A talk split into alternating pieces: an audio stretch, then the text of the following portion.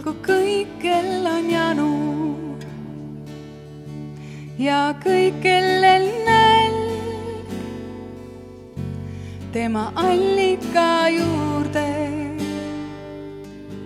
kastku süda seal elujõkked, valu ja kurbus? Maha pestud saaks tema armulaintes, kui ta sügavus hüüab sind, laula tule,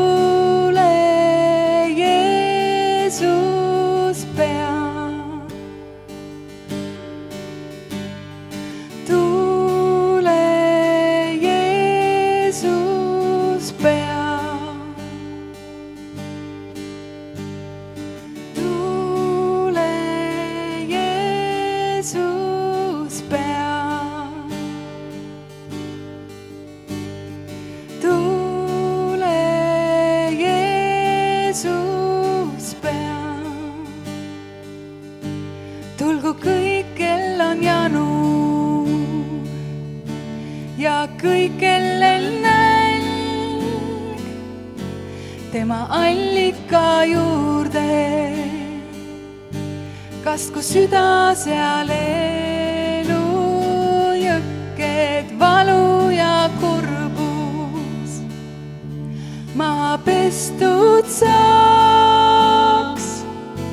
tema armulaintes, kui ta sügavus hüüab sind, laula tule,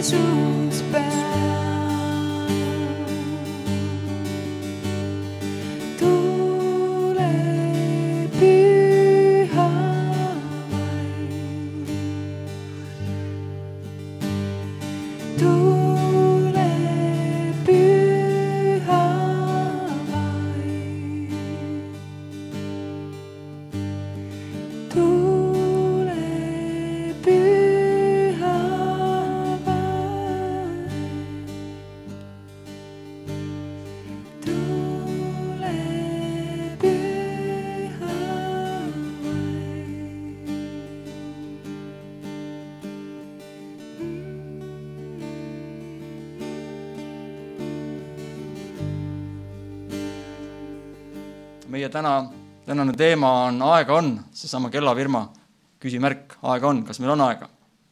eelmine kord äh, me rääkisime minevikust ja need, kes ei olnud äh, kohal või, või ei kuulnud, ma üldiselt ei ole elu sees, tegelikult elu sees võib-olla olen, aga vähemalt viimase viieteist aasta jooksul ei ole seeriaid rääkinud. et see on mu esimene selline kuidagi tuli selline kolmene seeria, nii et äh, me räägime ajast, ajakasutusest, mida piibel räägib ajast ja eelmine siis seriaali esimene osa oli siis minevikust. ja ja, ja lugesime mitmeid kirjakohti.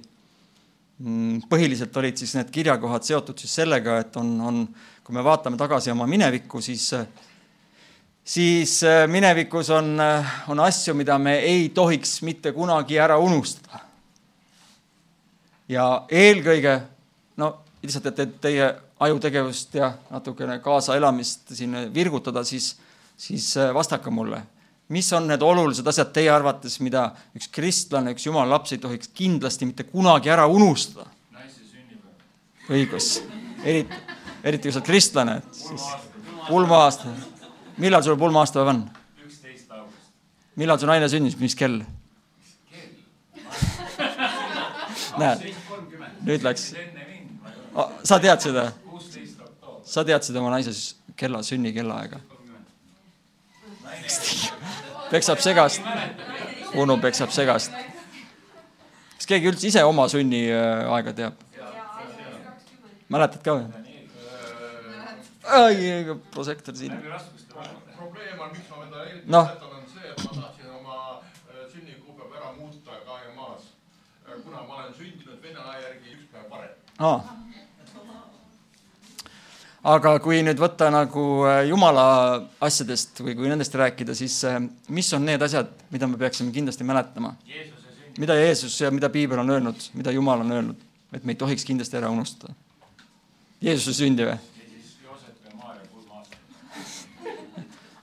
Hannes, sul on see ikkagi raskelt mõjunud, see, sul, et see aeg nii kehva tuli, sul oled trauma on ikka. ei ole ega, küll sa üle saad. siin kirikus on, me oleme hullemaidki näinud. Aga me ei tohiks ära äh, unustada kindlasti neid asju, mida Jumal on meie elus teinud. me ei tohiks kindlasti ära unustada neid asju, mille suhtes me peaksime olema talle tänulikud. ja kui sa täna mõtled, on midagi, mille üle sa oled tänulik.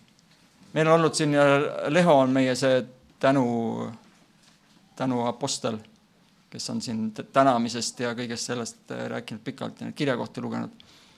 aga kui me siin alguses palvetasime ja ootasime, Jumal räägib meile samamoodi, tegelikult me täna võiksime korraks mõelda, tuletada meelde, sest meil on, ma täna puudutan võib-olla natukene füsioloogilisi asju ka, et meil on ajus on teatud, teatud ühendused tekivad siis, kui sa kordad, kordamine on tarkuse ema.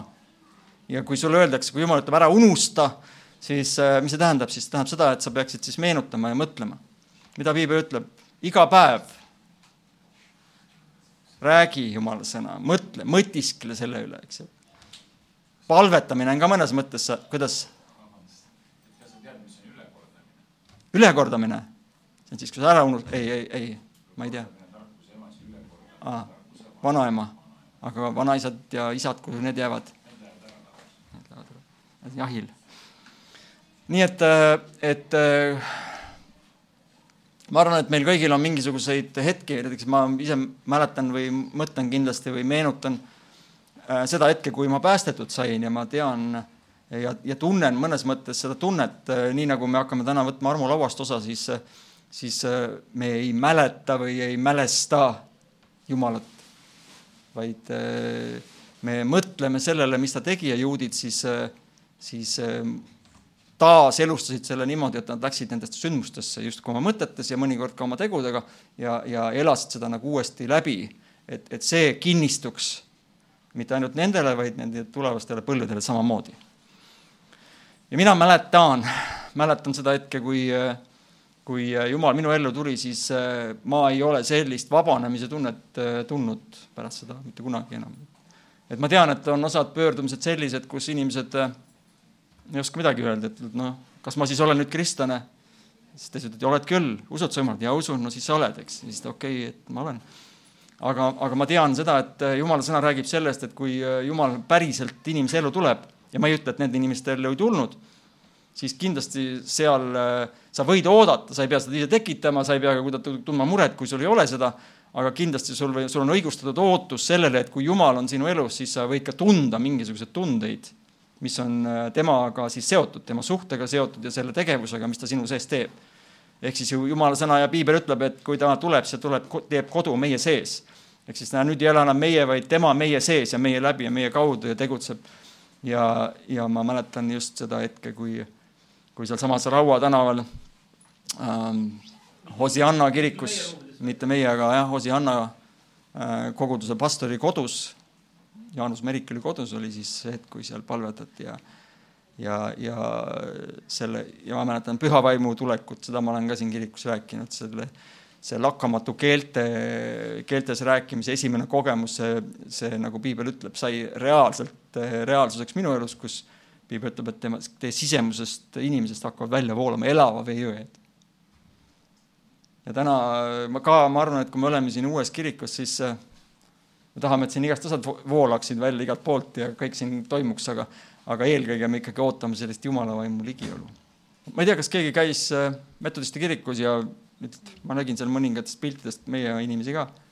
et äh, tegelikult sellised äratuskoosolekud on väga head, et see just samamoodi õhutab kristlasi olema mitte kuivikud, vaid et sa ikkagi lähed ja otsid ja taotled neid asju, mida Jumal on sinu jaoks valmis pannud mul on ainult asi, mis on mul teinekord, ma ei ütle, et nendel koosolekutel kindlasti oli, oli see, ma tean seda jutustajat ka natukene, et tema on sihuke asjalik vend, aga aga ma mäletan, meil omal ajal läks ikka natuke läks nagu rappa, kui me nagu hakkasime tegema neid eh, nii-öelda pühavaimu koosolekuid ja seal tuli väga palju ka sellist inimlikkust sisse, kunstlikku ja niisugust isetekitamise asja ka. eks see ootus oli ikkagi seesama, et sa tahad, et jumal vaim liiguks, et imed juhtuksid, et et võidmine oleks selles paigas, ma ei tea, kas te tunnete, kuidas meil selle ruumiga või üldse selle uue kohaga on, on siin mingit võidmist tunda või ei ole või kuidas, või oli seal parem või? õhku tuleb, näed, vaat torud juba lähevad ja suures saalis on juba torud ja et õhuga, õhuga on siin alguses natuke on. Minu soovitus on sulle, nii nagu seal äh, võistlustel, et hinga rohkem sisse, aga välja, ära nii palju hinga, siis, siis ei lähe ka seda tuled siia on vanaks, Hannes vanaks jäänud. kas keegi ulataks Hannesele kepp, kepi? Hannesele ulast-, ulast ulatame selle kepi. meil on täna, täna on, ma lähen Depeche Mode'i kontserdile oma klassikaaslaste ja vendadega, täna kusjuures on jah, lauluväljakul. Ja siis mul paljud sõbrad või mitmed sõbrad on öelnud, et nad on puukpõrelioosiga nakatunud ja siis üks, et ta tuleb selle rulaatoriga. Hannesele peaks ka selle rulaatori andma koguduses on hea, parem, hakkas parem. aga ärme jääme nüüd kinni siia minevikku, igal juhul minevikus on siis mingid asjad, lihtsalt see on väike meeldetuletus teie ajudele, et ei laseks meelest või et need olulised asjad, mis on teil Jumalaga olnud, et need ei läheks meelest ära. Ja ma arvan, et kui ma laseks teil kirjutada ülesse, siis ma arvan, et igaüks vähemalt viis kuni kümme asja võiksite küll ikka leida oma elus selles elus, mida te koos Jumalaga käinud olete, mille eest te olete tänulikud temale, mida ta on teinud. kas siis konkreetselt mingisuguses hetkes või olukorras või siis ka ütleme püsivalt. Ähm, meil on põhjust olla selles mõttes nagu tänulik. ja siis on terve rida kirjakohti, mida me vaatasime, kui keegi tahab kunagi siis vaadata neid, siis võib ju järgi vaadata, meil on tänapäeval võimalik kõiki asju järgi vaadata. on asjad, mida sa pead ära unustama. Mida me peaksime ära unustama? mis asjad on need asjad, mida oleks parem ära unustada? unustan selle ära, mis on selja taga, ma sirutan sinnapoole, mis on ees. no ka väga hea kirjakoht, tubli Heigo, istu viis. hea on ära unustada kõik oma naisi üleastumised. väga õige ja, ja neid on palju, oi kui palju. Õnneks meil meestel ei ole, ei ole neid palju. ja oleks sa lihtsalt kividega solvunud. Pole kive, aga tegelikult üks, ühe väikse kivi ma juba lükkasin eemale. aga midagi siit krohvi leiab siit Ehm, jah, unustama, ehm, mis, ehm, mida me peaksime tegema nende asjadega, mis elus ei ole hästi läinud? aga sa ei saa minna tagasi, minevikku ei ole võimalik tagasi minna, vähemalt meil ei ole seda tehnoloogiat veel. vigadesse kõike õpid ja. jah, väga hea. Et selle asemel, et jääda mingisugustesse vigadesse või läbielamistesse kinni, näiteks sa laenasid kellelegi raha ja ta sunnibki, ei maksnudki tagasi ja nüüd sa pead seda meeles ja see mürgitab ja, ja, ja hävitab sind iga päev. selle, esiteks selle sa peaksid ära unustama. selle nagu selle pahateo. aga kaasa peaksid võtma sealt selle, et sul on õppetund. et äh, enne või, või siis, kui sul on korduvaid ämbreid, mida sa oled astunud, eks ju, või kuhugi, et siis nendesse äh, sa võtad sellest ebameeldivast või läbikukkunud teost, teed endale sellest õppetunni. ja ütled, et oli, mis oli, juhtus, mis juhtus, ma seda enam muuta ei saa, mis on öeldud, mis on tehtud, see on tehtud on see siis inimestega seotud, on see jumalaga seotud või on see sinu endaga seotud, kus sa oled iseenda peale pahane või oma vanemate peale pahane. kõik, mis on tehtud, on tehtud, aga ma halvast võtan selle õppetunni, et ma õpin sellest midagi. Head asjad ma võtan julgustuseks kaasa. ehk siis needsamad kaks asja, minevikust midagi, mida sa kaasa võtad ja mäletad ja peaksid mäletama ja korrutama seda kas või iga päev, et see oleks sinu ajus väga-väga tugeval kohal, sinu mälus ja asjad, mis, mis, mis tuleb kõrvale panna, mida piibel ütleb, unustage need. kui te olete keeranud selja mingitele asjadele, on need mingisugused negatiivsed, siis, siis siis see tähendabki, see meeleparandus tähendab seda, et sa keerad selja sellele halvale teole või sellele asjale, mis on halb su elus ja sa liigud sellest minema, nii et sa unustad selle, mis sinna maha jäi ja see jäi sinna maha. ja miks me seda, sellest, sellest minevikust nii palju eelmine kord ka rääkisime või milleks ka piibel tegelikult neid kirjakohti on ka nii palju, on see, et vaadake Äh, vaadake, me tuleme siia kõik kokku ja oleme need inimesed väga tihti just selle pära- või selle tõttu, mis on minevikus olnud või kes me oleme. Me oleme täna need, kes, kes me, kust, kust me tuleme, teisisõnu. Äh, me tuleme oma kodudest, me tuleme oma lapsepõlvest, me tuleme oma igasugustest läbielamistest. ja kui me siia koguneme, täna me oleme siin kolmkümmend inimest, varsti on viiskümmend, varsti on see võib-olla sada viiskümmend, siis siis iga inimese nii-öelda loomus ja see, kes sa oled, sa tood selle endaga kõik kaasa siia.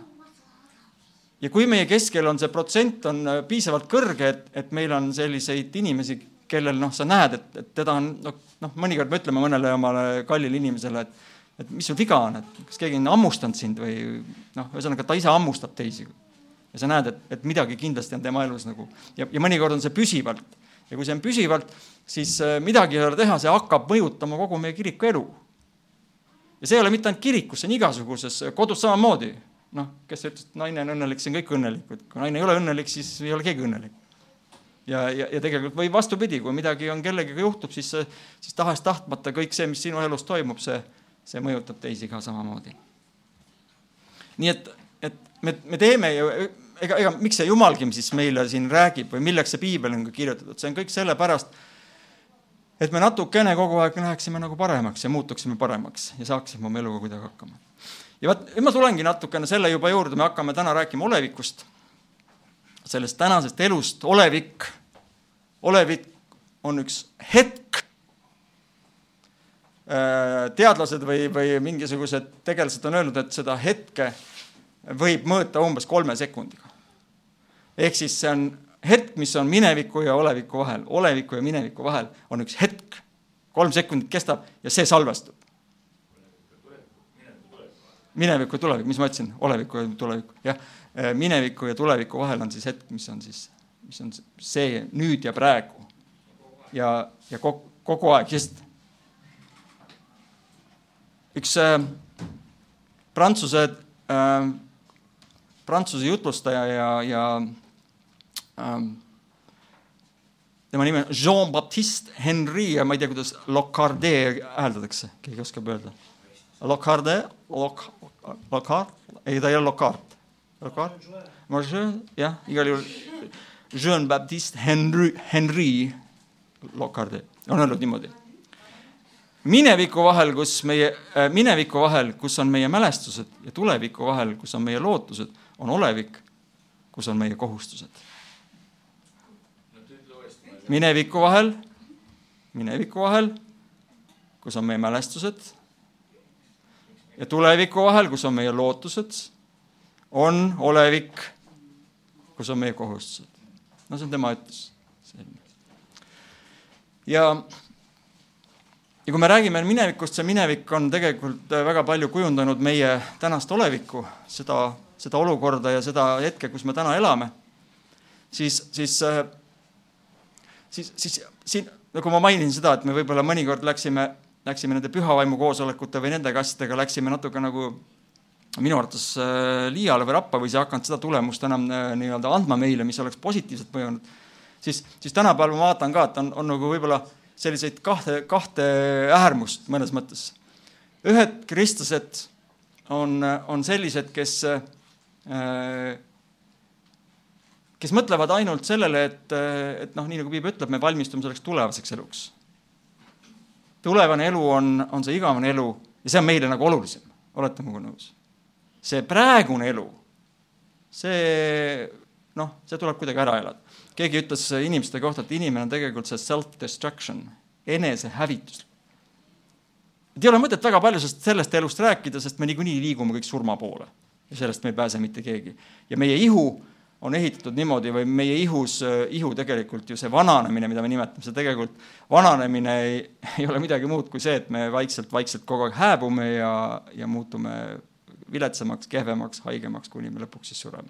et tegelikult see, see ihu on juba sellises faasis, julgustav, eks, Liina? jaa, naerata oma naabrile ja ütle, et well done, very well. et äh, et sa liigud, liigud rahulikult ja kindlalt sellel, sellel tüüril, et see ihu lõpuks hävitab iseennast ära. ja, ja, ja siis, kui, ja kui sa nüüd võtad selle kristliku perspektiivi, siis meie, kristlased, me ei vaata selle surmale või selle hävitusele kuidagi väga niisuguste suurte silmadega, vaid meie usk ja lootus on nii-öelda sellel tulevikul.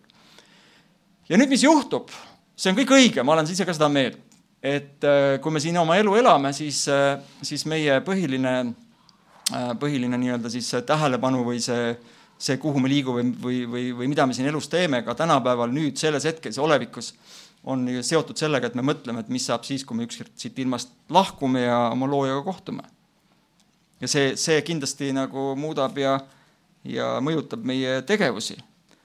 aga, aga probleem on siin selles, et, et äh, väga tihti ka ütleme, sellistel suurtel koosolekutel, sa näed, et inimesed needsamad kristlased, nad mõtlevad ainult selle nii-öelda tulevikule ja siis eh, nad tahavad minna palvetama või et nende eest palvetatakse ja nad ise väga ei taha võtta vastutust oma selle elu suhtes, vaid nad ootavad mingisugust sellist jumala sekkumist, ehk siis palvetage minu pärast, et minu probleemid laheneksid. ja, ja selles ei ole midagi halba, meil on palju probleeme, eks ju, kus, kus me vajamegi jumala abi ja jumala tarkust, see on kõik õige. aga inimesed, kes jumalat ei usu, kellel ei ole mitte mingisugust lootust mingile muule abile või, või igavese elule või nad isegi ei mõtle, siis nende fookus on rohkem sellel elul. ja sellepärast me näeme, kui palju on nüüd, ütleme eriti meie selles äh, kultuuriruumis, ka meil siin Eestimaal on äh, tekkinud väga palju igasuguseid erinevaid selliseid äh, eneseabiõpetusi, kus püütakse inimesi aidata väga erinevatel viisidel siin on siis need traditsioonilised, meditsiinilised, eks ju, ja siis on kõik need ebatraditsioonilised, samamoodi iga, igasuguseid laagreid, igasuguseid praktikaid. kõik selleks, et inimese elu kuidagi siin elus äh, aidata, et ta võiks elada nagu õnnelikult ja hästi ja, ja tervelt. Ja, ja, ja, ja siin noh, minu see käärid või nii-öelda, mis, mis ma, mis ma taha, tahan just öelda, on see, et et kristlased, ma ei ütle, et me peaksime hakkama kõike seda nii-öelda järgima, kõike seda eneseabiõpetust, see eneseabiõpetus niikuinii ilma Jumalata on poolik kuigi sealt ka sealt ilma jumalata, kui nad õpivad neid jumalikke seadusi ja saavad aru näiteks füsioloogiast või, või nendest asjadest, millest me täna natuke räägime, mis on ka oluline, siis, siis kindlasti, kindlasti saadakse abi.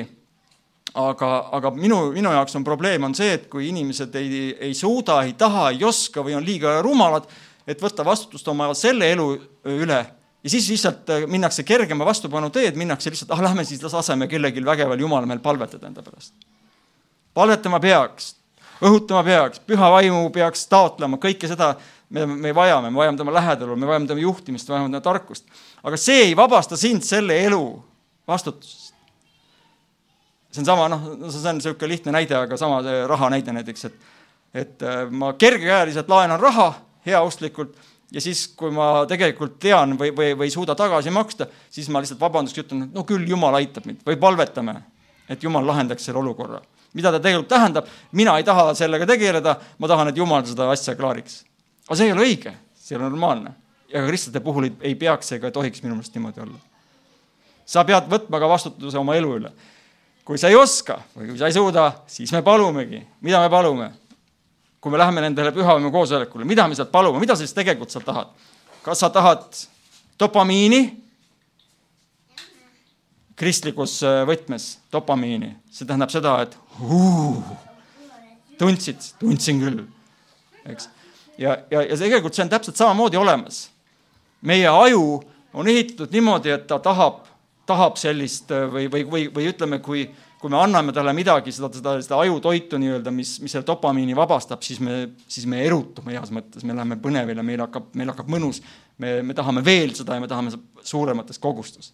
et sa võid teha ka nendest pühavaimu koosolekutest ja sellepärast ma ütlen, et me natukene võib-olla läksime omal ajal sellega sinna äärmusesse, et et, et me hakkasime seda nii-öelda nagu, nagu nagu suurendama kogu aeg nagu inimlikult, et meil on vaja seda veel ja veel ja, ja me mõõtsime seda võidmist, et seda peab rohkem ja rohkem ja, ja vaatasime, kui paljud maha kukuvad, et kellel rohkem maha kukkus ja kellel rohkem jalad värisevad ja kes rohkem äh, nii-öelda on vägev vend ja, ja siis me mõõtsime neid vägevust selliselt. mis lõppkokkuvõttes iseloomu võib-olla ei muutnud üldse, võis tekitada hoopiski igasuguseid segadusi. ma olen siin rääkinud sellest, kuidas minu, kui ma vedasin oma õe sinna ükskord ühele pühapäeva koosolekule, siis pärast seda ta ei julgenud üldse tulla lähedale. ma ei tea, mis ta siiamaani arvab. ehk siis äh, ta ei saanud üldse aru, miks äh, noored äh, inimesed kukuvad maha, hakkavad rulluma seal, mõni augub, mõni, mõni naerab, mõni nutab, mõni röögib, mõni jookseb ringi nagu peata kana nagu noh, et ta mõtles, kuhu hullumajja ma olen sattunud, eks. et ma veel kord, ma ei taha üldse maha teha neid asju, sest ma ise arvan, et seda on vajalik. aga minu rõhu, rõhuasetus on ma pigem näeksin äh, kiriku inimesi kirikus, äh, kes istuvad kaks kätt niimoodi koos ja ainult noogutavad, ühtegi emotsiooni ei tule, nii-öelda noh, piltlikult öeldes noh, mingi kuivikute kari nii-öelda mõne, mõnede arvates. ja samas ma tean, et nad on head inimesed. Nad äh, saavad oma eluga hakkama, nad saavad oma emotsioonidega hakkama, nende suhted toimivad, neil on normaalne töö, neil on hobid, neil on sotsiaalne pool ja, ja nii edasi, nii edasi. ja kui nad tulevad kokku, siis üks, üks, üks mees ütles väga hästi, ma olen neid hästi palju neid igasuguseid Youtube'e vaadanud, kus räägitakse just nendest igasugustest äh, elu muutvatest kogemustest, siis, siis üks vend ütles niimoodi, et mina näiteks, meil on kodus selline reegel oma pojaga, no ta, ta on üksik, ta ei ole abielus ma pärast sellest mehest natuke räägin veel, see on väga kummaline mees. Ehm, ta on mormooni taustaga ja siis sealt hakkas, hakkas tema lugu pihta, aga ma räägin natuke temast, sest ta, ta on ikka selline ainulaadne eksemplar. me võime nõus olla millegagi, millegagi mitte, aga tema ütles, et noh, ta tundis väga palju nagu või noh, tal on, ütleme, terve see, terve see eesmärk äh, elada kahesaja aastani, see ongi see tema nii-öelda see lähtepunkt. ja ta on äh, täna neljakümne viie aastane, aga ta on oma organismilt seitsmeteistaastane. ja siis ta jagab oma nii-öelda pigem natukene jah, las sealt, sealt, see väiksed hääled ei tee midagi vist. tema ütles näiteks niimoodi, et, et kui ta hommikul üles tõuseb või üldse, kui ta räägib oma pojaga, siis, siis ta on ära keelanud small talk'i. kes teab, mis tähendab inglise small talk? How are you? see on see, milles eestlased on väga viletsad. Jah, me oleme natuke viletsad, meil on seda, see on see äh,, miks või? sellepärast, et ta ei taha oma aju pärssida, ta tahab kohe, kui me hakkame rääkima, me hakkame rääkima kohe väga sügavatel, väga äh, asjast, mis, mis kohe viib kuhugi, mis, mis vastab millegi, mis, mis on kohe avatud, kus on kohe nii-öelda väga sisukas selline tähenduslik ja, ja mitte aega raiskav vestlus. said või? aga, aga see, see on, see on tavainimeste mõistes, see on lihtsalt ebaviisakas. et meie, ütleme, enamus inimesed ju võtavad seda small talk'i või seda sellist, võtavad seda tervitusena, see on viisakusavaldus lihtsalt, et sa ja sa, kui sa küsid inimest, kuidas läheb ja ta ütleb hästi, siis sa tead, et see on viisakalt öeldud, see ei, see ei tähenda mitte midagi. ta võib öelda sulle ükskõik midagi, harakas näiteks selle vastu, et mm -hmm, lahe. Et tegelikult see ei ütle mitte midagi sulle, aga see on lihtsalt viisakus, et noh, kuidagi kuskilt alustad või alustad ilmast või noh, millest me alustame, kuidas lapsed, lapsed ka hästi ja kuidas tööl? Ka hästi, noh. auto, autol uued kummid on. noh, ja tegelikult sa räägid inimesega võib-olla veerand tundi ja ja, ja seda nimetatakse small talk'iks, mis, mis tegelikult ei muuda mitte midagi. ja mis mu sõnum on, miks ma sellest kõige räägin, me elame tänases hetkes, ma ei ole isegi kirjakohtadele jõudnud, läheb, ma mõtlesin, ma teen täna väga lühidalt, aga me ei ole üldse alustanudki veel loeme mõne kirja kohe alguseks veel, siis ma räägin kohe edasi ähm,. võtame abivahendid kätte, rulaator, kanderaam, prillid. kui sul on piibel, tee lahti Jaakobuse neljas peatükk. Ja loen samast salmist kolmteist. kuulge nüüd, kes te ütlete täna või homme, me läheme sinna linna ja viibime seal aasta ja kaupleme ning saavutame kasu. Teie, kes te ei teagi, missugune on homne või homme teie elu, sest te olete nagu suits, mis pisut aega nähtakse, mis haihtub. selle asemel, et ütelda, kui issand tahab ja me elame, siis teeme seda või teist. ent nüüd te kiitlete oma hooplemisega. Kõik niisugune kiitlemine on paha. kes siis mõistab teha head ja ei tee seda, see on sellele patuks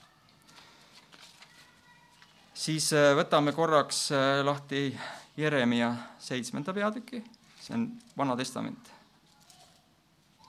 kahekümne esimene salm. Jeremia seitse ja vaatame siit näiteks kakskümmend üks.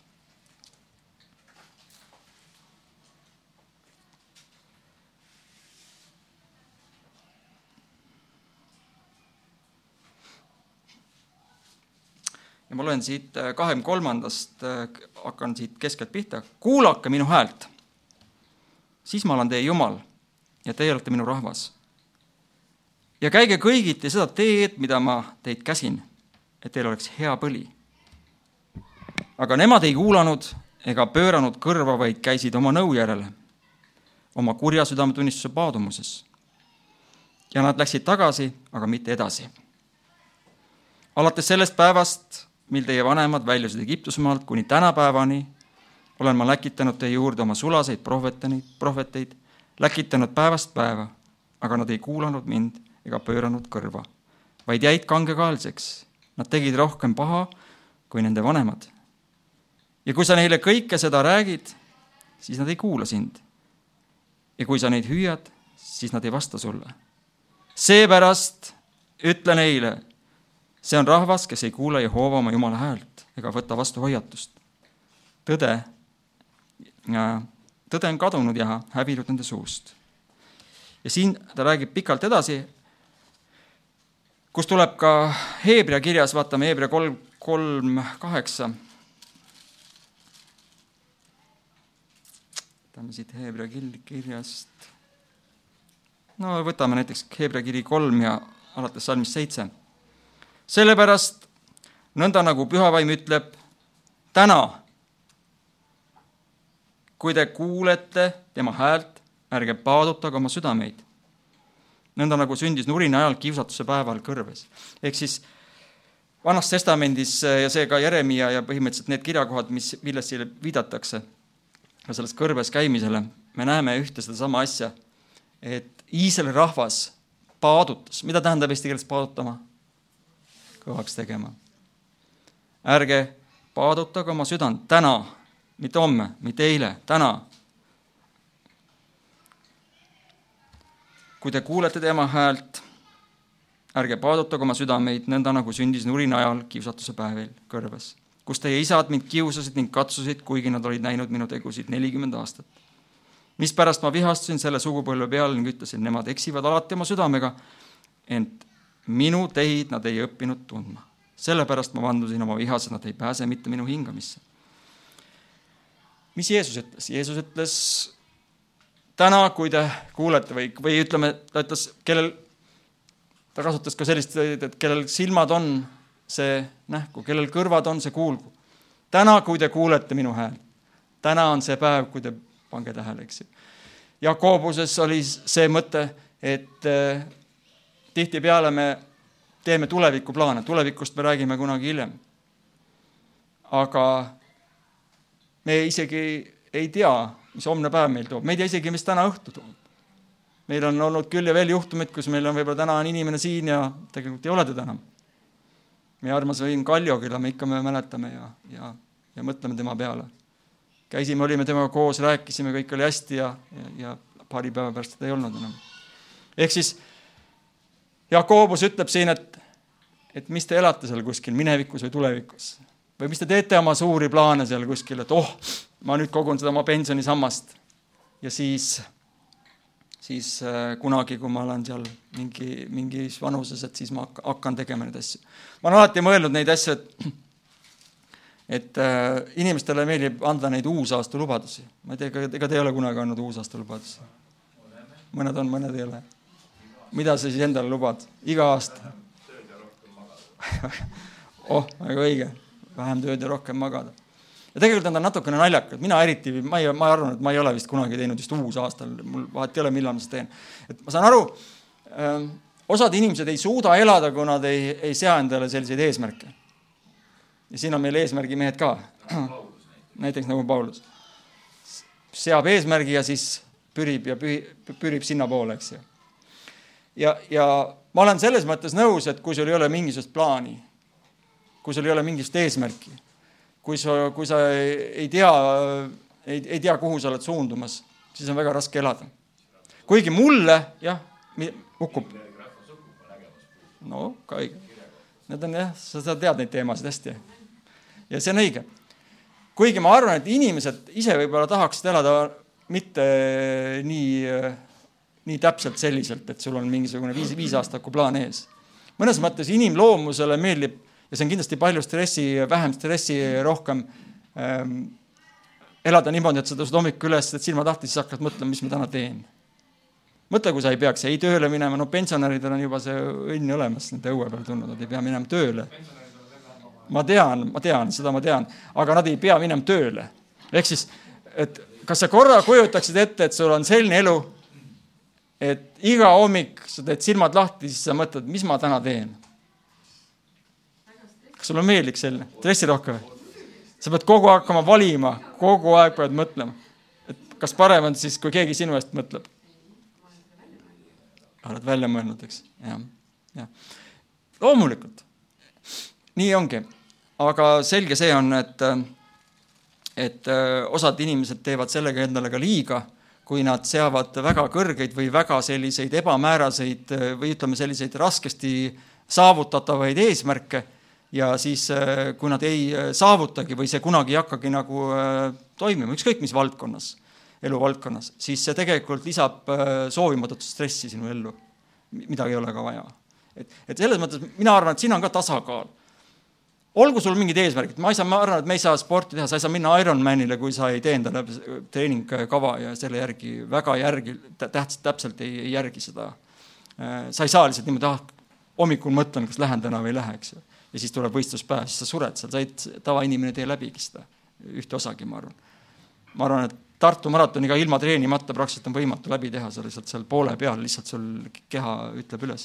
et, et, et mis ma mõtlen, on see, et, et, et peavad olema, sul võiksid olla mingisugused sihid, mingisugused tulevikumõtted, mingisugused plaanid. maja hakkad ehitama samamoodi, ma kujutan ette, et ilma plaanita on vist, Eigo, kuidas sa äkki on nii, et hakkaks vaatama nüüd, et kuidas siit edasi läheks, mitte mingit plaani ei tee ah,. ei saa, eks, on vaja.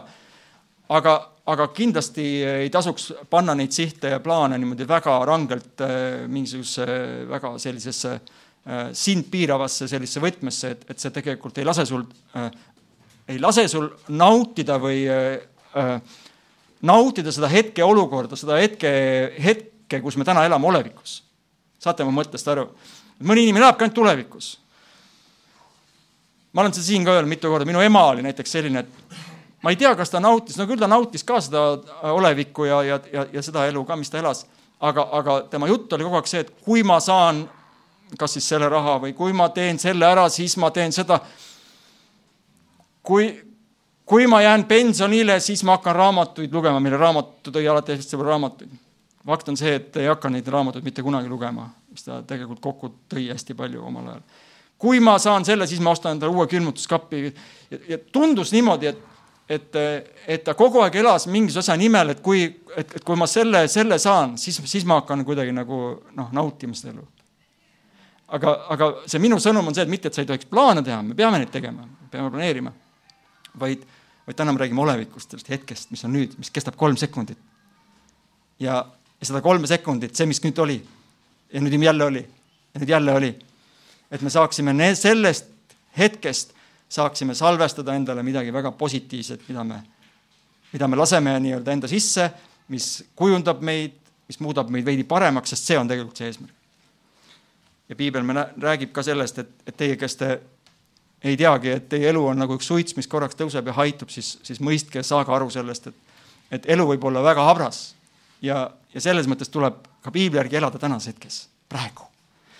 siin seesamas Jakobus ütles, et kes mõistab head teha ja ta ei tee seda, see on pattu selle või see on selle inimesele patuks, eks mis tähendab seda, et, et ma kujutan ette, et ka kristlaste seas meil endil on ka võib-olla, et oh, kui ma nüüd saan selle palgatoetuse või selle palgasuurenduse, et siis ma hakkan ka midagi toetama või kedagi toetama. kui ma saan seda, selle, sead mingeid tingimusi, et siis sa teed midagi niisugust head kellelegi või kuskil. kui ma saan selle päeva vabaks, siis ma lähen Toidupanka appi, et kui mul tuleb, ühesõnaga, sul on mingisugused kogu aeg mingisugused asjad, mis sind nagu praegult segavad elama seda elu, mis sa tegelikult teha tahaksid, sul on kogu aeg mingid asjad ja see võib ka olla nii, et need on ka õiged, et mingid asjad on vaja nagu ennem korda saada, siis sa saad midagi teha. aga jumala sõna selle koha peal, selle Jakobuse kirja kaudu ütleb, et, et äh, ära tee endale selliseid kaugeid suuri plaane, vaid proovi elada nüüd selles hetkes, kui sa täna saad minna toidupanka, mine. kui sa saad täna anda või keegi vajab su abi äh,, või kui sa oled kellelegi midagi lubanud, et saame kokku või, või, või, või et või, või, või mida iganes, kodus on vaja midagi teha või, või, või lastega või. nüüd ongi nii, et äh, ma olen vahel, vahel mõelnud, et, et äh, kas ma kahetsen midagi oma elus. ma ei tahaks, ma tahaks elada niimoodi, et, et kui ma olen ka vana inimene, et ma ei kahetse mitte midagi. noh, võib-olla midagi ikkagi, ma arvan, et niimoodi on võimatu elada, et sa midagi ei kahetse. aga et üks asi, mida ma näiteks, eriti nüüd, kui üks tuba jäi tühjaks meil ja kaotus oli suur, siis, siis ma tahes-tahtmata jälle ma tabasin ennast mõtlemast, et, et nüüd tegelikult mu tütar on läinud. noh, ta loomulikult ta ei ole meie elust läinud, eks ju. aga ütleme, ta on nüüd minu alt läinud ja ütleme, see etapp on läbi, kus nüüd vanemad lastega midagi teevad. ja see, see aeg, mis meile on antud tegelikult lastega, me alguses mõtleme, et see on hästi pikk ja mõned vanemad mõtlevad, et ta võiks juba ammu välja kolida ja mõned ei koligi välja. ja kaua ma pesen ta pesu seal ja sokke ja, ja süüa teen talle. ja mõned tulevad veel ringiga tagasi ja ja kõik need tänapäeva mured on ka teistsugused. aga ütleme, kui see on niisugune niimoodi, et ta lähebki ja jääbki ja, ja võib-olla kolivad kuskile hoopis ka ära kuskile teise riiki või jah. neli, neli, kolmteist, neli, kaks, jah, sealt hakkab. siis, siis on niimoodi, et, et, et ma mõtlen, et kas ma ikka tegin Dionega nüüd kõik need asjad ära, mis ma oleks pidanud isana nagu tegema temaga. ja, ja tegelikult, kui ma ütlen, siis ma mõned asjad ikka jäid tegemata. Nad kunagi küsisid, et ma oleks võinud ikka kalale minna, me ei käinud käi kunagi kalal ma ei ole ise mingi kalamees, seepärast ma ei läinud ka, ma, ma ei taha kala, mul, ma, ma hakkan nutma, kui ma kalale haiget teen. vihmaussiga ka koos, aga nutame seal ah.. et ma veel, veel, ei no nii hilja, nüüd on, rong on läinud. no ma saan, aga siis ei ole enam, vaata, ma saan see, et siis, kui ta ikkagi minu juures elas. Elli on muidugi veel. või et äkki sa, ma ütlesin, et noh, sul on mingis, mingisugune spordiala või mõni, mõni hobi või midagi, et kui sa kindlasti ikkagi tahad lastele ka näidata või koos nendega midagi teha. et jällegi ma tulen tagasi selle juurde. niimoodi on võimalik mõelda, midagi kahetseda, mis on tegemata jäänud, või siis, või siis, kui sa täna ka oled siin ja mõtled, oh, küll ma teen, mul on veel aega. tänane teema, mis on, aega on, küsimärk, on ikka aega? ei ole aega tegelikult, meil ei ole aega.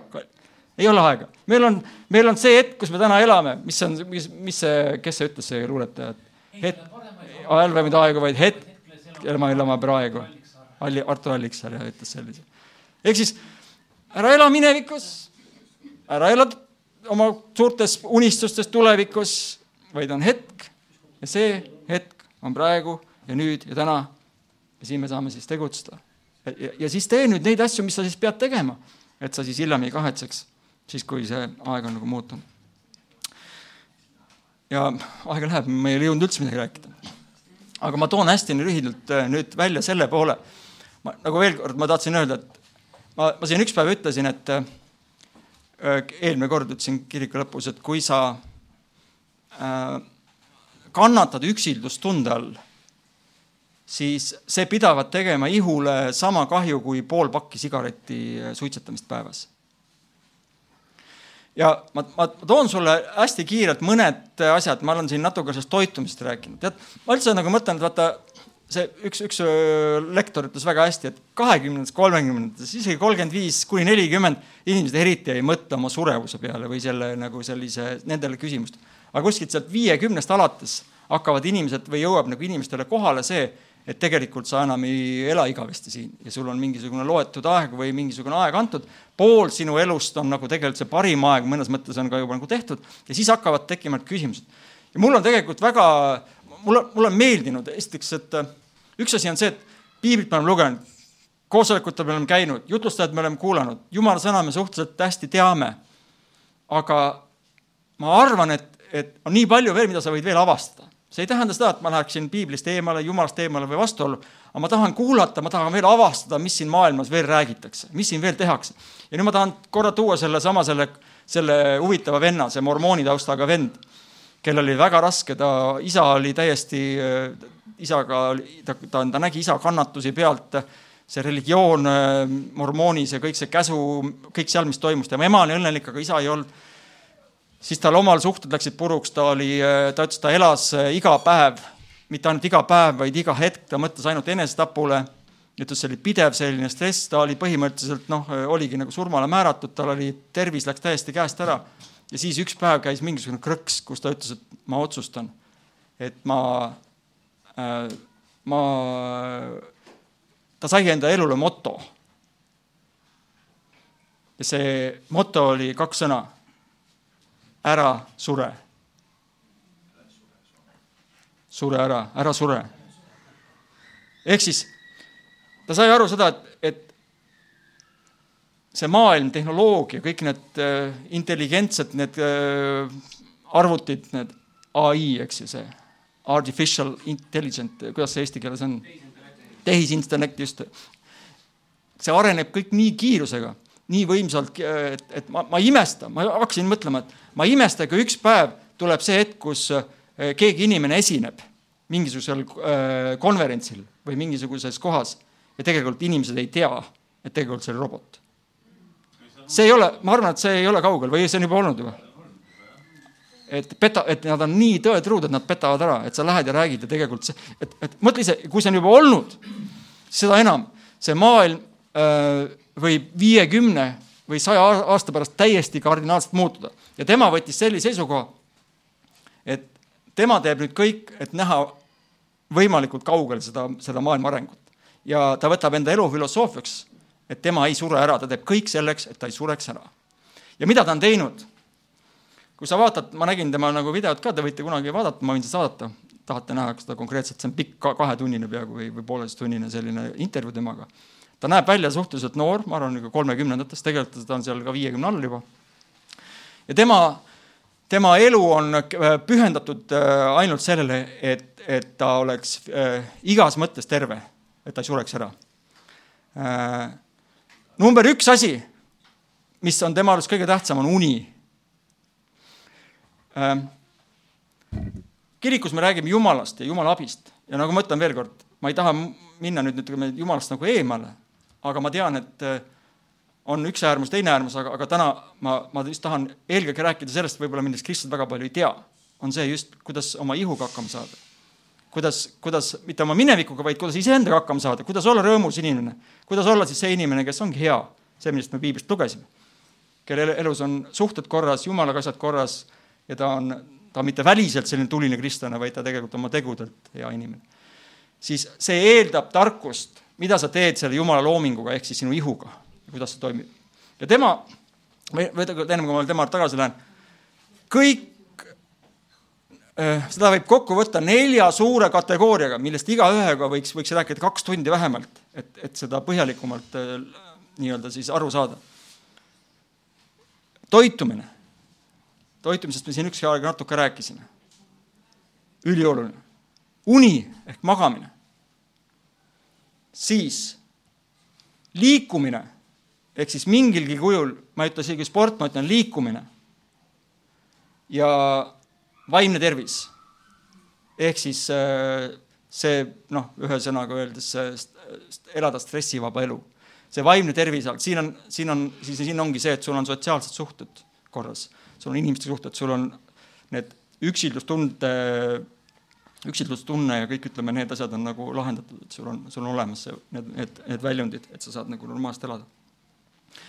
ja tegelikult oleks, oleks, ma ütlen, ma olen neid söögi alla, söögi peal neid vaadanud, neid erinevaid igasuguseid teadlasi ja, ja, ja uurinud neid asju, see on, see on minu jaoks nagu üks niisugune äh, põnev avastus viiekümne aastasena nüüd, et et sa, et sa hakkad vaatama tegelikult, mis siin maailmas veel on, mis siin veel tehakse, mis siin räägitakse, mis inimesed äh, arvavad, mis, mismoodi asjad toimuvad, minna natuke süven-, süvendatult, mitte mingisugused äh, pealkirju lugema lihtsalt või mingeid äh, tobedaid artikleid, eks ju, või kuskilt mingeid lugusid, mis räägivad mingisugustest, ma ei tea, kroonika, kelle, kes kellega käib ja mis midagi teeb, vaid reaalselt, kuidas inimeste elud on saanud muudetud.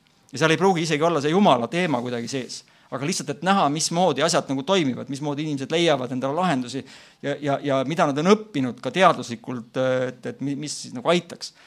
ja, ja, ja, ja, ja äkki mul on ka midagi õppida sellest.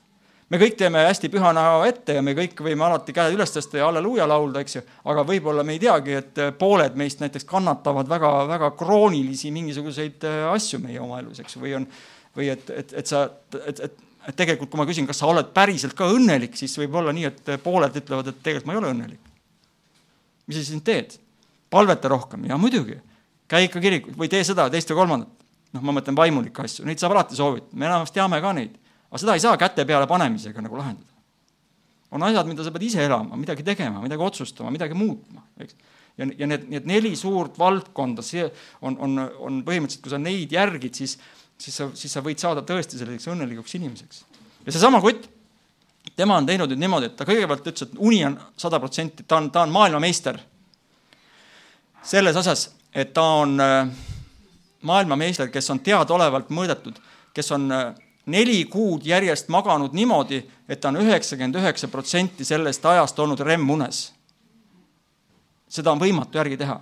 ja ütles, et ta on selle katse-eksituse meetodil proovinud, tal on kõik detailideni äh, läbi mõeldud, ära proovitud, mismoodi ta saab magada. sina võib-olla magad ka, ma ei tea, kaua sa magad või kuidas sa magad, aga enamus me vähkrame ja meil on seda REM-i võib-olla seal kolm tundi võib-olla heal juhul. ülejäänud aja me oleme pool ärkvel, vahepeal noh, meie vanad mehed käime vetsuvahet ka võib-olla ei käi veel või? või siis mõni vahetab pampersid öösel, ikka segab, eks. ja, ja, ja nii edasi, nii edasi ja, ja, ja näiteks tema näide, noh, tema näide nii, tema on aru saanud, millal ta peab magama minema. ta läheb magama iga kord seitse kolmkümmend. see, ja ta ütles, ta proovis kõiki variante, tema läheb seitse kolmkümmend magama. ja ta ütles, et tema jaoks on magamine kõige olulisem asi, ta on kogu oma elu äh, ta ütles, et mitte kunagi, mitte ühegi sekundi ega minuti pealt ta ei ületa seda, see on alati, see on nagu aamen kirikus tema jaoks see on reegel, kogu tema elu peab olema selle ümber, et ta saaks minna magama seitse kolmkümmend. siis, kui ta läheb seitse kolmkümmend magama, ma ei tea, ta ei öelnud täpselt, millal ta tõuseb, aga tema hommikusöök on kell kuus või viis, kuskil kuus, kuue, kuue-viie vahel. ja siis ei sööda midagi vahepeal ja tema viimane söök on kell üksteist hommikul. ja kaheksa tundi ta paastub enne magamaminekut, sest tema on aru, aru saanud, et tema magamaminek on tühja kõhu kõige parem. tal on täiesti kindel temperatuur, tal on kõik, ütleme, heli kindlaks tehtud, et ükski asi seal ei sega, seal on, see on täiesti niimoodi. ta tõi oma söögikorrad sinna, ta näitas, mida ta sööb. tema äh, söök sisaldab sada üksteist, te kuulsite õigesti, sada üksteist toidulisandit. ehk siis kaks peotäit äh, toidulisandeid, pluss söök ka. null suhkurt, null suhkrut suhkurt, suhkrut, suhkrut, suhkrut. Eh, puuviljas on okei okay., mustikad. tahate kõige paremat eh, eh, marja üldse, mis on kõige kasulikum kõikidest marjadest kokku, on mustikad. mustikad. mustikal on need fenoolid või need, mis seal on kõige, mustastal on noh, C-vitamiin, aga, aga mustikad, et sa võid ta, kõik, mis sa saad nagu loomulikus puuviljast kätte suhkrus on okei okay ja siis, äh, mis ta veel on teinud, tal on, ta on, äh, ma ei tea, kui tihti, ma ei, nii täpselt ei kuulanud, ta on süstinud oma poja verd enda, enda vereringesse.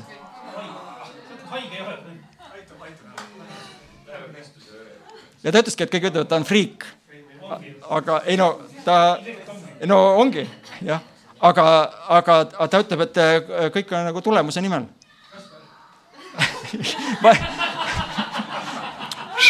tõsi? ega sa pärast ei kahetse seda, mis sa tegid.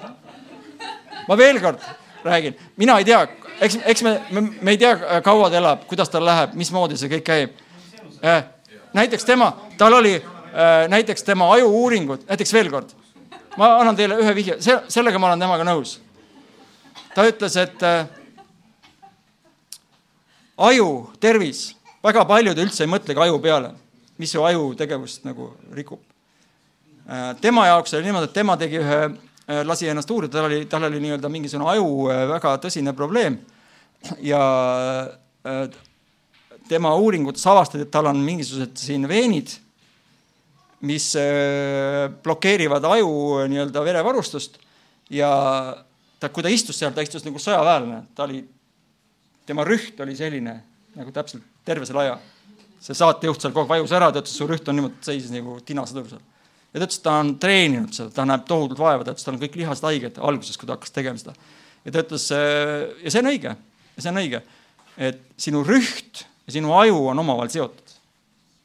ehk siis kõik meie, kes me käime või oleme või niimoodi, eks see rüht, kui sa teed rühi paika paned, seal on omad harjutused, asjad, pisiasjad, aga need on hästi olulised. täpselt ja ta ütleski, kusjuures ta ütleski, et tema elus kõige ohtlikum asi on autoga sõitmine, sest tal on kiusatus samamoodi sealt aeg-ajalt äh, vaadata Facebooki või, või, või vastata või.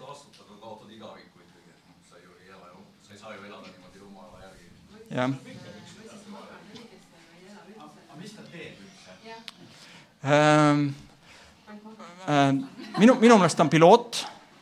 tal on mingisugused, äh, ei noh, ikka ma saadan sulle, sa võid vaadata, sest ma ei, ma ei jõudnud kaks tundi, ma eile alles vaatasin seda et aga, aga et, et aga, aga ütle, ütleme nii, et, et, et sinna, sinna saatesse, see on, see on üks sari, seal on, seal tulevadki nad, see on see CEO või, või sellised äh,, sinna kutsutaksegi siuksed väga erakordsed, seal on sama see äh,, kes see Leader Seat Last, see, mis ta nimi oligi, see Simon Sinek on käinud seal, tema rääkiski üksildusest näiteks ja seal on toitumisteadlasi, seal on ajuteadlasi, seal on liikumise teadlasi no veel kord näiteks, äh, mõni, me hakkame lõpetama, aga, aga lihtsalt näiteks äh, te ei, te ei kujuta ette, kui oluline osa on näiteks sellel, et sa natukenegi liigutad ennast. seal üks, üks teadlane, kes on noh, ta on ka äh, ülikooli mitte ainult siis lõpetanud, vaid ta on ka siis nagu kõik doktorite kraadidega ja, ja eluaeg uurinud ja ütles samamoodi, esimene asi ütles, et ka ütles kahetsuse kohe, et oleks mulle keegi või oleks ma neid asju võinud teada kakskümmend viis aastat tagasi, kui ma täna tean. mu elu oleks teistsugune. ta rääkis nendest riskidest, asjadest. no näiteks seda, et kui sina noh, toome näiteks viiekümne aastase, noh, kuna tema oli ise ka umbes seal vanuses. ütles, et viiekümne aastaselt seal hakkab tegelikult see, see degeneratsioon hakkab, kus lihased hakkavad taanduma, on juba, hakkab seal juba kolmekümneselt või isegi juba varem. lihtsalt seda veel ei näe, nemad, kui nad läheksid uuringutes, siis juba näe, hakkavad nägema neid esimesi algeid, kus hakkab juba see vananemine ja siis see, see pidur, pidurdamine, kõik ütleme, see tagasi eh, nii-öelda see eh, taandareng hakkab pihta nii-öelda.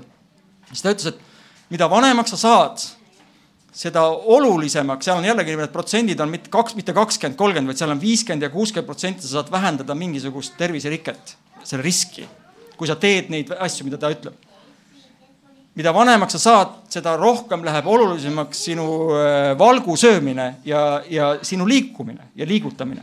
sul on vaja lihasmassi. mõni mõtleb, et noh, kaua ma ikka seda sporti teen, lõpetan ära, siis viskan diivanile, eks ju. tegelikult on täpselt vastupidi. mida vanemaks sa saad, seda rohkem sa pead äh, sööma valku, sest see omastavus on väiksem ja pluss ütleme, teatud lihaskihud hakkavad äh, hääbuma. sa pead palju rohkem tegema tööd selleks, et sul oleks lihasmassi. sa ei pea olema mingisugune sihuke kulturist aga kui sul lihasmassid oled, siis selle, äh, see risk haigestuda väga mitmetesse haigustesse või, või teate, vanad inimesed kukuvad. ta ütles näiteks, et need inimesed, vanainimesed, kes kukuvad, äh, see on jälle tohutu suur protsent, on see, et aasta aja pärast äh, need inimesed võivad ka surra. sellepärast, et et äh, mitte ainult, et nad ei lähe nagu halvemaks, vaid seal tekivad ka teatud muutused kohe nende kehas, seepärast ja selle põhiprobleemiks ei ole mitte see, et, et ta kukkus, vaid põhiprobleem on see, et ta kukkus sellepärast, et tal ei olnud jõudu, tal ei olnud piisavalt lihaseid.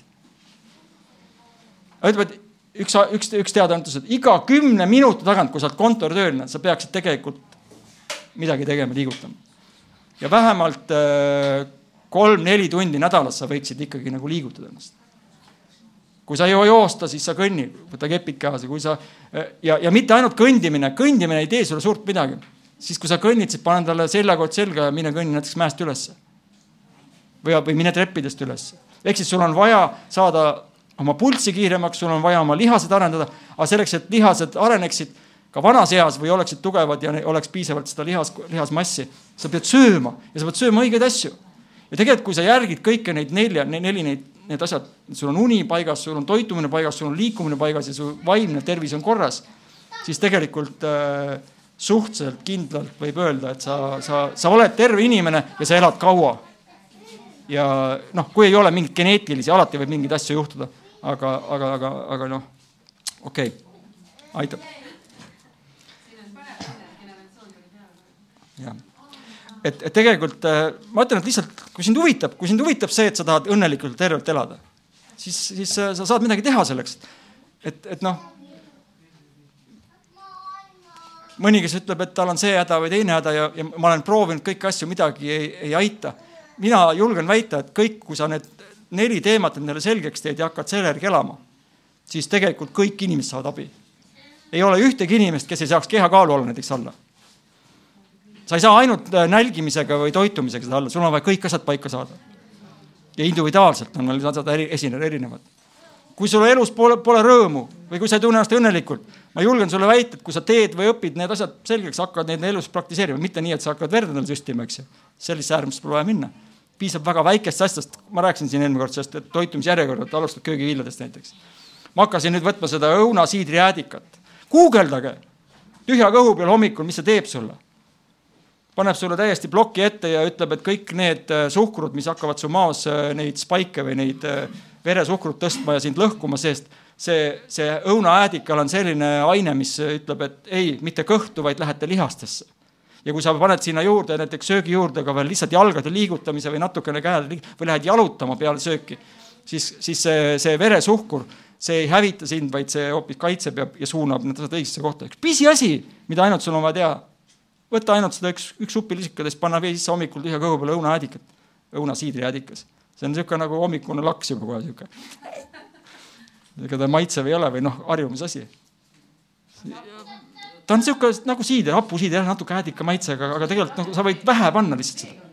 veega jah, paned su, supilusikas ja, ja või kohvi, sa võid panna ka mujale sisse kuskile ja ülipisike saad, söö neid asju, mis sulle, vot ma lõpetan sellega üks, üks toitumisteadlane ütles väga hästi. armasta neid toite, mis sind vastu armastavad. väga lihtne asi, aga me ju ei, ei, kes ei sööks kõiki neid muid asju, eks ju ka. aga mis nad sulle teevad? kas nad sind armastavad, kas nad paitavad sind, kas nad teevad sind terveks? ei, nad teevad sind haigeks, nad teevad sind sõltlaseks. Nad tõmbavad sulle selle aju, aju käima ja, ja su aju läheb lolliks ja ta ütleb, anna veel ja rohkem ja nüüd kohe. miks sa teed seda endale? Ja siis ütled, mul on, ma olen kurb, ma olen, mul ei ole rõõmu, ma ei, mul on elus siuksed up and down, üles-alla emotsioonid käivad. mis teed endale, ise teed seda ju. harjuta ümber ennast, sööd toorkakaod, rohkem köögivilju. sul on vaja kala, oomega kolme, liha, kus on täisväärtuslik valk. liha on üli, ülioluline. kõik need asjad. liha, poksikott nii et äh, sellised lood, me olime olevikus täna. aga järgmine kord, kui jumal lubab ja me räägime tulevikust ja siis vaatame natukene rohkem, et mis siis üldse jumal meile nagu lubab tulevikus ja mille jaoks me peaksime ennast valmistama ja mida siis tegema. nii et, et sellised, sellised asjad siia tänasesse päeva